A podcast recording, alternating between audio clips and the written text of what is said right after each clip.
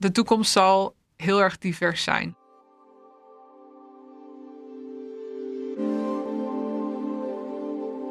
Je luistert naar Voer voor Verandering. In deze podcast gaan Injo Notermans en Wouter Mulders een aantal experts aan de tand voelen over de transitiewetenschap. Want door transities naar duurzaamheid en rechtvaardigheid te begrijpen, kunnen we ze ook versnellen. Althans, dat hopen we.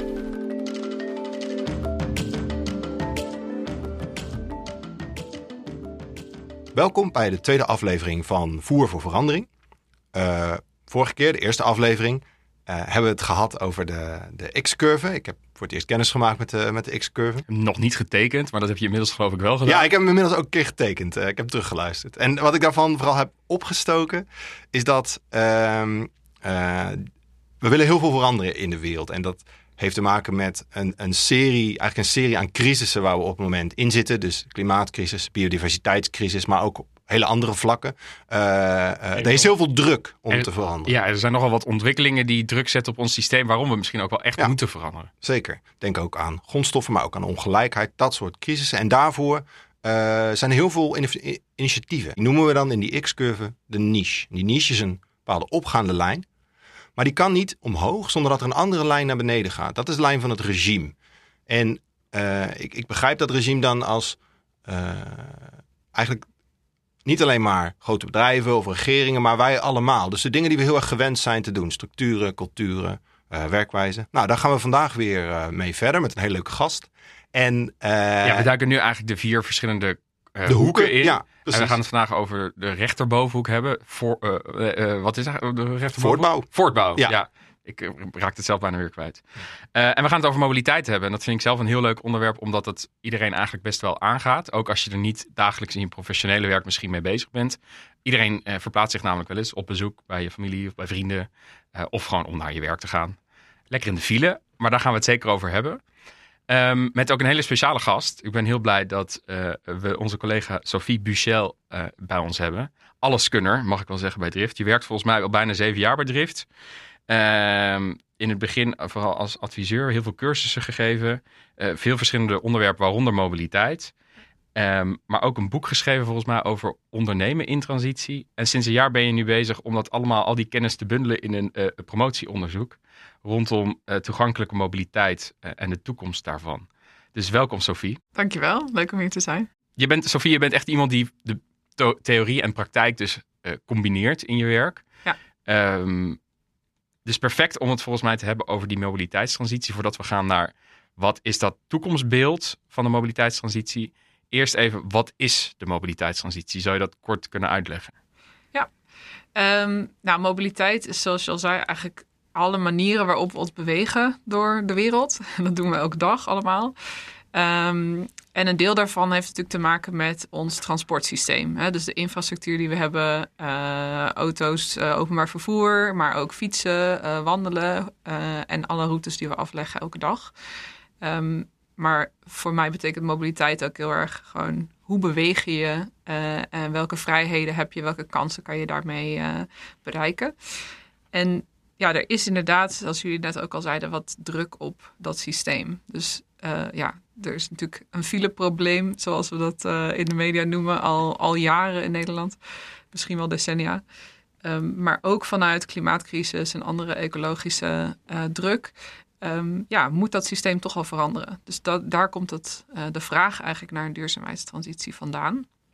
En waar ik ook erg geïnteresseerd in ben, is hoe kan je nou die transitie ook gebruiken om uh, ongelijkheid in dat systeem aan te pakken. Als we dan toch gaan veranderen. En hoe ziet die ongelijkheid eruit in het mobiliteitssysteem? Want dat is volgens mij ook waar je je, je promotieonderzoek heel erg mee bezighoudt. Ja. Dus, dus ongelijkheid is natuurlijk, uh, ja, dan denk ik wel vaak aan armoede. Of de een heeft wel een auto en de ander niet. Of hoe zit dat in de mobiliteitstransitie? Ja, dus dat is een belangrijk element ervan. Dat noemen we dan vervoersarmoede of mobiliteitsarmoede. Uh, dat heeft te maken met hoge kosten soms van, uh, van ja, transportgebruik en van mobiliteit. Um, maar kan ook te maken hebben met dat bijvoorbeeld sommige plekken moeilijk uh, bereikbaar zijn. eh, als je op het platteland woont, ben je gevoeliger voor vervoersarmoede dan als je in de stad woont. Bijvoorbeeld door de bezuinigingen die er zijn geweest de afgelopen, nou, misschien decennia, de afgelopen jaren op, Ja. op het openbaar vervoer. Ja. En dat soort gebieden. Precies. Ja. Maar kan ook mee te maken hebben hè, dat als je eh, een rolstoel gebruikt, dat sommige plekken moeilijker toegankelijk zijn. Nou, dat soort factoren zitten er allemaal in. Eh, en dat heeft natuurlijk, ehm, ja, dat, dat werkt door in wat je allemaal wel en niet kan doen in je leven. En hoeveel eh, eh, vrijheid je daarin hebt. En hoeveel tijd het je kost en hoeveel geld het je kost om van A naar B te reizen. Ik hoorde je net zeggen, een fileprobleem, of zo noemen we dat. Misschien zit daar ook alweer een, een antwoord in voor een latere vraag. Maar waarom zeg je dat zo? Waarom noemen we het een fileprobleem? Is het niet gewoon een fileprobleem?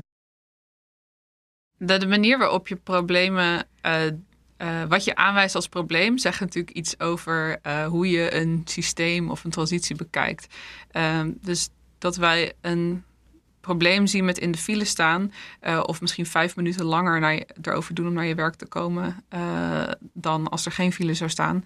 Eh, dat zegt al iets over hoe we kijken naar mobiliteit. We kijken heel erg vanuit de auto en vanuit dat idee dat we altijd maar zo snel mogelijk er overal naartoe moeten reizen. Terwijl we ook bijvoorbeeld in, nu met de coronacrisis wel hebben gezien dat, dat reizen naar je werk in de spits elke ochtend, dat er ook alternatieven voor zijn. Ehm, en nou ja, daar komen we straks in het toekomstbeeld denk ik wel op. Eh, een, een wereld waarin eh, we steeds maar grotere snelwegen bouwen om steeds maar meer autoverkeer aan te kunnen.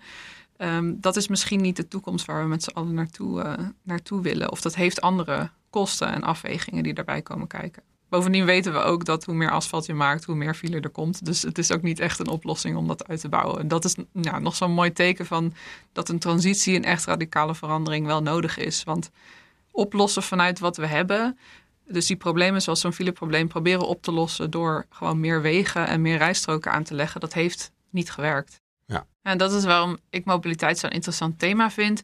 Is omdat we zeker in Nederland heel erg gewend zijn om heel verkeerskundig te kijken naar infrastructuur en verkeer en, eh, en transport. Eh, door dit soort afwegingen, dus hoe richt je de straat in en hoe beïnvloed je daarmee mensen hun gedrag? Nou, dat, daar zijn we ook heel goed in. Daardoor hebben we een heel efficiënt eh, systeem. Ehm, maar eigenlijk gaat mobiliteit natuurlijk over ja, hoe beweeg je, wat wil je daarmee?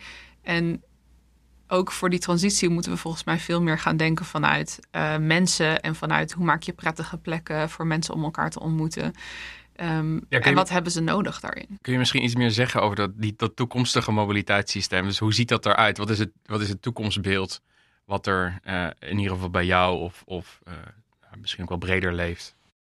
Nou, wat ik veel eh, zie om me heen is dat er veel ge, geïnnoveerd wordt in mobiliteit. En daar zie je al een aantal ja, ideeën ontstaan eigenlijk voor een andere toekomst. Bijvoorbeeld deelmobiliteit is natuurlijk, eh, eh, popt overal op, vooral in de steden. Eh, je ziet dat een deel van het toekomstbeeld eh, lijkt zich te gaan ontstaan rondom minder bezit van voertuigen en meer naar delen en gewoon dus dat is een van de trends. Eh, daar horen ook allerlei andere voertuigen bij. Dus veel meer diversiteit ook aan de voertuigen die we gebruiken. Dus fietsen, eh, maar ook deelscooters. Eh, er zijn kleine elektrische busjes en zo. Verduurzaming is natuurlijk een hele grote. Ehm, dus om klimaatverandering en luchtvervuiling tegen te gaan, zullen we naar voertuigen moeten die fossielvrij zijn. Dus elektrisch voor een groot deel, misschien ook waterstof. Ehm, en vooral in de stad eh, ontstaat er wel een, een toekomstbeeld dat ehm, de straat ook heel anders gebruikt. Dus straten zien we nu vooral als wegen waarover eh, auto's en fietsen moeten rijden. Of ze geparkeerd staan. Of geparkeerd staan, Zeker in inderdaad. de grotere stad. Ja, vaak staan ze toch gewoon een heel groot deel van de tijd stil. Eh, en dat neemt heel veel ruimte in. En we zitten natuurlijk niet alleen in een klimaatcrisis, maar ook in een wooncrisis.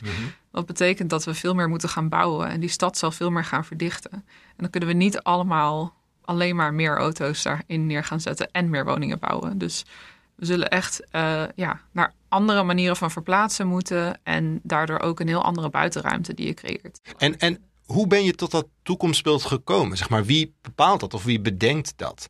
En dat heeft ook een beetje te maken met, je, met je, de praktijk van je werk. Maar daar ben ik Ja. wel heel benieuwd naar. Ja, dat is een hele goede vraag. Ehm, en daar ben ik ook in mijn onderzoek veel mee bezig. Wie eh, bepaalt eigenlijk waar we naartoe gaan in zo'n transitie en in de beleidsvorming daaromheen. Um, nou, de toekomstbeeld dat uh, ontstaat vanuit uh, projecten waarin we gesprekken hebben gevoerd met beleidsmakers, maar ook met bewoners en allerlei andere partijen, bijvoorbeeld uit Rotterdam, waar we veel in hebben gewerkt rondom mobiliteit. Maar ik ben heel benieuwd om ja, gewoon de mensen, de bewoners van een stad of van een dorp of een, of een regio te vragen wat zij belangrijk vinden, waar zij naartoe willen. Want wij zijn uiteindelijk met z'n allen um, ja, degene die het mobiliteitssysteem vormgeven. Wat is al onderdeel in de mobiliteitstransitie van dat nieuwe normaal? Van de dingen misschien die je net ook al hebt genoemd. Ja, ik denk het eerste wat belangrijk is om, om ons toch wat te beseffen, is dat uh, de meeste mensen zich gewoon op dezelfde manier verplaatsen zoals ze dat al tien jaar uh, doen. Als je kijkt naar hoeveel, hè, behalve even een dip tijdens het begin van de coronacrisis, hoeveel autokilometers er gemaakt worden, bijvoorbeeld in Nederland, dan blijft dat eigenlijk al heel lang constant. Um, tegelijkertijd zie je natuurlijk wel dingen veranderen. En je ziet steeds meer kleine bedrijfjes die deelmobiliteit aanbieden. En dat ook voor steeds ja, uh, meer concurrerende prijzen en steeds meer elektrisch en schoon. Uh, nou is het nog steeds wel best wel duur en niet per se voor iedereen toegankelijk. Het is alleen als je in de stad woont en je hebt een, uh, een ID-kaart en een creditcard dat je dat soort dingen kan gebruiken. Ja, in Rotterdam struikelde er wel even een tijdje over, over al die fietsen en scooters. Ja, ze liggen overal. Dus je merkt dat het een beetje wilde westen is nog wat dat betreft. Maar ja, het wordt wel steeds meer gebruikt. En, en dat vind ik wel een hele interessante ontwikkeling. Maar ik vraag me dan wel af, hoe kunnen we ervoor zorgen dat dat ook veel toegankelijker wordt voor meer mensen om te gebruiken? Ja, wat ik interessant vind eigenlijk in, in, alle antwoorden die je bijna ook geeft. En we hebben het ook over corona gehad. En een soort van, hè, dat, is, dat breekt van uh, de, de, afgelopen jaren van in, in, corona, breekt van hoe we het daarvoor deden. Is het verschil misschien wel tussen verandering en transitie? Dus door corona zien we een aantal veranderingen opeens. Er zijn opeens geen files meer. Uh, de, de treinen zijn niet meer zo vol als dat ze waren, of zijn zelfs leeg. Er gaan minder treinen. Um, hoe zie jij dat verschil tussen misschien uh, um, ja, transitie en verandering daarin? Mm, ja. Um, ja, je ziet dus inderdaad dat hè, dat regime waar, waar je het over had, Wouter, dat is uh, heel veerkrachtig. Dus de, de, corona heeft natuurlijk tot een grote verandering of disruptie geleid. Uh, alles veranderde inderdaad uh, binnen in 2020. Um, maar we zien dat we eigenlijk weer terugveren naar het oude normaal. Omdat, dat, omdat we toch gewoon ja, heel erg gewend zijn om dat op die manier te doen. Dus gewoon weer in de file staan of gewoon weer in die volle trein om achter ochtends gaan zitten. Ja, hoewel de trein, we gaan wel minder met de trein als je daar naar kijkt. En dat is eigenlijk natuurlijk heel, wel jammer vanuit duurzaamheidsoogpunt. Dat meer mensen nu door corona geneigd zijn om tweedehands autootje te kopen en in een eentje in de auto te gaan zitten. In plaats van ja, toch uh, met z'n allen collectief in het OV, wat gewoon uh, uh, ja, uiteindelijk efficiënter en duurzamer is. Um,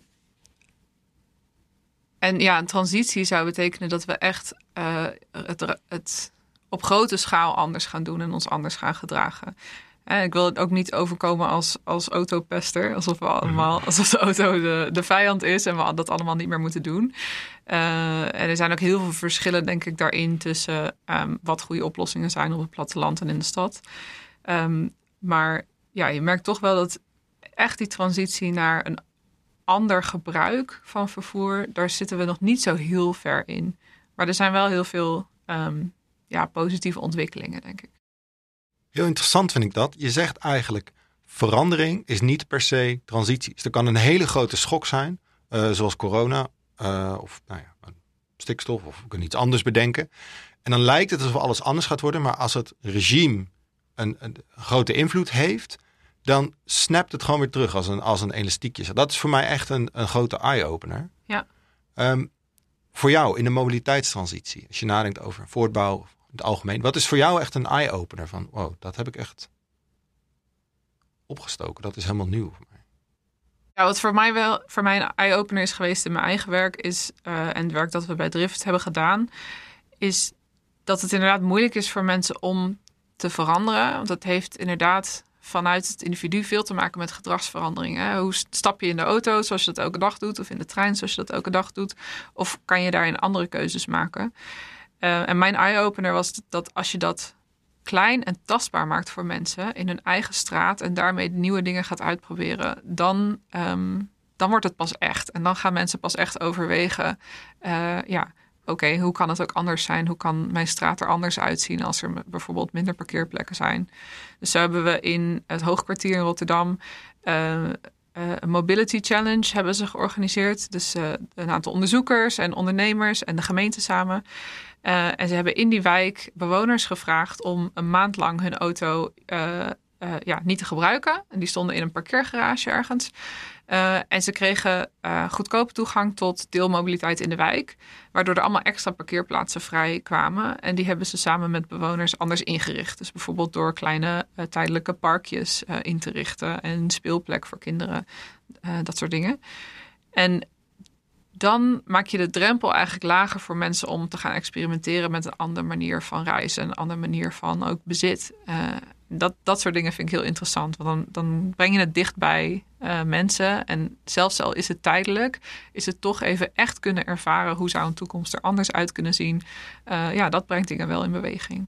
Ja, dus je doet eigenlijk nu al uh, op een kleinschalige manier die toekomst die je zou willen. Die, die laat je mensen al doen, die laat je mensen al proeven. Ja, precies. En, en door dat uit te proberen leer je ook wat er wel en niet werkt. Want dit was ook absoluut geen perfect experiment. Uh, maar juist omdat er dingen fout gaan of omdat je beperkingen tegenkomt in de manier waarop je dat uitvoert, leer je ook, ja, leer je ook, leer je hoe het beter kan. Oké. Okay. Een van de dingen die ik, want ik herken dit heel erg van, van door bij Drift te gaan werken en, en, en dat dit een eye-opener is om zo lokaal in de wijk iets te doen. Uh, ik herinner me dat ik las over de vervoersbank op Zuid.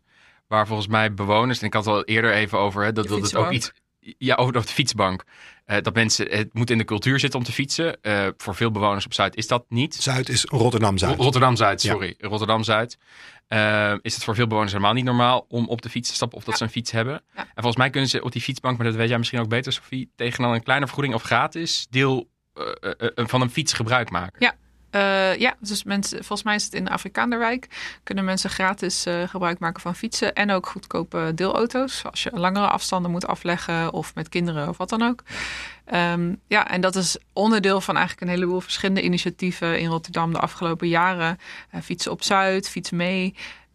waar in uh, er eigenlijk geprobeerd wordt om juist mensen die inderdaad uh, minder fietsen, bijvoorbeeld uh, vrouwen met een biculturele achtergrond, om die op de fiets te krijgen en daarin ook lessen te geven door fietscoaches uit hun eigen gemeenschap, bijvoorbeeld ja. door ze ja. meer kennis te laten maken met hoe is het dan, hoe doe je dat veilig, hoe doe je dat op een manier die je vertrouwen geeft om dat te doen. Ja, want dat hoor ik er ook in terug als je een bepaald voornemen hebt van nou, het zou beter zijn als daar en daar meer gefietst werd, of het zou goed zijn voor de bewoners als, ga er niet zelf iets voor opzetten in eerste instantie. Ga niet zelf uh, uh, de wijk in en uh, iets heel nieuws optuigen, maar er is al heel veel. En, en die mensen, die be bewegingen, die organisaties, die moeten ook meedenken en meedoen. En die hebben zelf ook een inbreng waarschijnlijk. Ja, ja.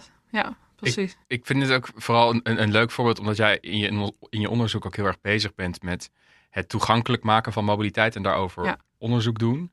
Uh, dit is natuurlijk toegankelijkheid van, van mensen die inderdaad misschien nog geen fiets hebben. Dus aan de andere kant vind ik van de mobiliteitstransitie ook heel interessant om te kijken naar bijvoorbeeld wat als we dadelijk auto's en fossiele auto's niet meer hebben of afschaffen. Uh, wat gebeurt er dan met die ja, vervuilende autobezitter. Uh, of misschien wel die klusjesman die dat busje heeft, maar die wel diesel, op diesel rijdt. Um, hou je daar ook zeg maar, rekening mee in je onderzoek? Is dat ook een deel van de mobiliteitstransitie uh, waar je mee bezig bent? Ja, ik denk dat uh, zoals we um, een diversiteit aan perspectieven belangrijk vinden, is een, hebben mensen ook gewoon hele verschillende behoeftes. Uh, en er moet zeker, denk ik, gewoon ruimte bestaan ook voor verschillende oplossingen. Dus voor sommige mensen zal uh, veiliger kunnen fietsen, omdat het verkeer minder hectisch is, of omdat je meer ervaring hebt met fietsen dan dat je nu hebt, een mooie oplossing zijn. Um, voor, ja, ik weet ook een vriendin van mij die heeft twee kleine kinderen in zo'n dubbele buggy en die kan daarmee niet de, de, bus in bij haar lokaal en die is daardoor afhankelijk van de auto. Dat zijn van die voorbeelden dat ik denk, uh, misschien is een auto gewoon de beste oplossing voor iemand in die situatie, maar misschien kunnen we ook wel uh, dingen in ons transportsysteem aanpassen zodat je uh, ja, meer mensen uit verschillende situaties kan helpen om wel gebruik te maken van OV in dit geval. dus ja, er zijn gewoon de toekomst zal heel erg divers zijn. Mm, Niet alleen in hoe we zijn als mensen, eh, maar ook eh, ja, gewoon veel verschillende. Ja, de oplossing ook voor al die verschillende bewegen. mensen is er ook gewoon nog niet per se. Je eh, zei net al iets over de toekomst zal divers zijn. Eh, daar hoor ik ook eh, een, eh, een vleugje activisme in door. En ik ken jou ook al, al goed. Dus ik weet ook dat jij in je werk, maar ook in je, je, je eigen leven ook gewoon eh, ja, best activistisch bent ingesteld. Hoe, hoe valt dat te combineren met onderzoek en wetenschap? Zeg maar, kan je dat combineren? Grote vraag. Grote vraag. Goeie vraag. Ehm, ja, mensen hebben zo'n idee van onderzoek dat je dan op afstand staat van de samenleving en eh, objectief probeert te observeren wat er allemaal gebeurt. En dat, eh, Ivoren Toren. Vanuit je Ivoren Toren, precies. Ehm, maar in de praktijk speelt iedereen natuurlijk verschillende rollen. Eh, en ja, heb ik een rol als onderzoeker, maar ben ik ook gewoon iemand die mobiliteit gebruikt en een bewoner van, van Rotterdam. Ehm, maar ook als onderzoeker sta je, ja, sta, je, sta je in de samenleving. En ik doe veel actieonderzoek, wat betekent dat ik op zoek ga naar vragen in de praktijk. Eh, en samen met mensen die die vragen hebben, dingen eh, probeer te doen. En dan te kijken wat er gebeurt en dat te onderzoeken. Eh, dus daarin zijn al die dingen wat minder gescheiden. Ik denk dat we nog een hele podcast kunnen vullen over activisme en, en de nieuwe rol misschien van de onderzoeker of van de wetenschap. Dat gaan we dan ook zeker nog een keer doen, want ik ben daar echt wel in geïnteresseerd. Oh, dan gaan we dat zeker doen. We hebben het nu over voortbouw gehad, Sophie. Eh dankjewel in het mobiliteitssysteem. In het volgende aflevering gaan we het wel hebben over eh, afbouw. Dus in plaats van eh, dat toekomstbeeld en wat daarvan al eh, eh, eh, het nieuwe normaal is, vooral over wat we willen afbreken, waar we van af moeten. Ehm, iets wat soms wat negatiever lijkt, maar juist heel hard nodig is voor de transitie. Voor nu, Sophie, ontzettend bedankt. Leuk dat je er was. Dankjewel.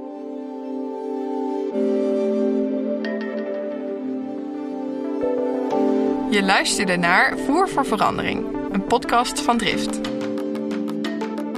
Wil je niks missen? Vergeet dan niet te abonneren. En wil je nog meer weten over transities? Ga dan naar drift.eur.nl.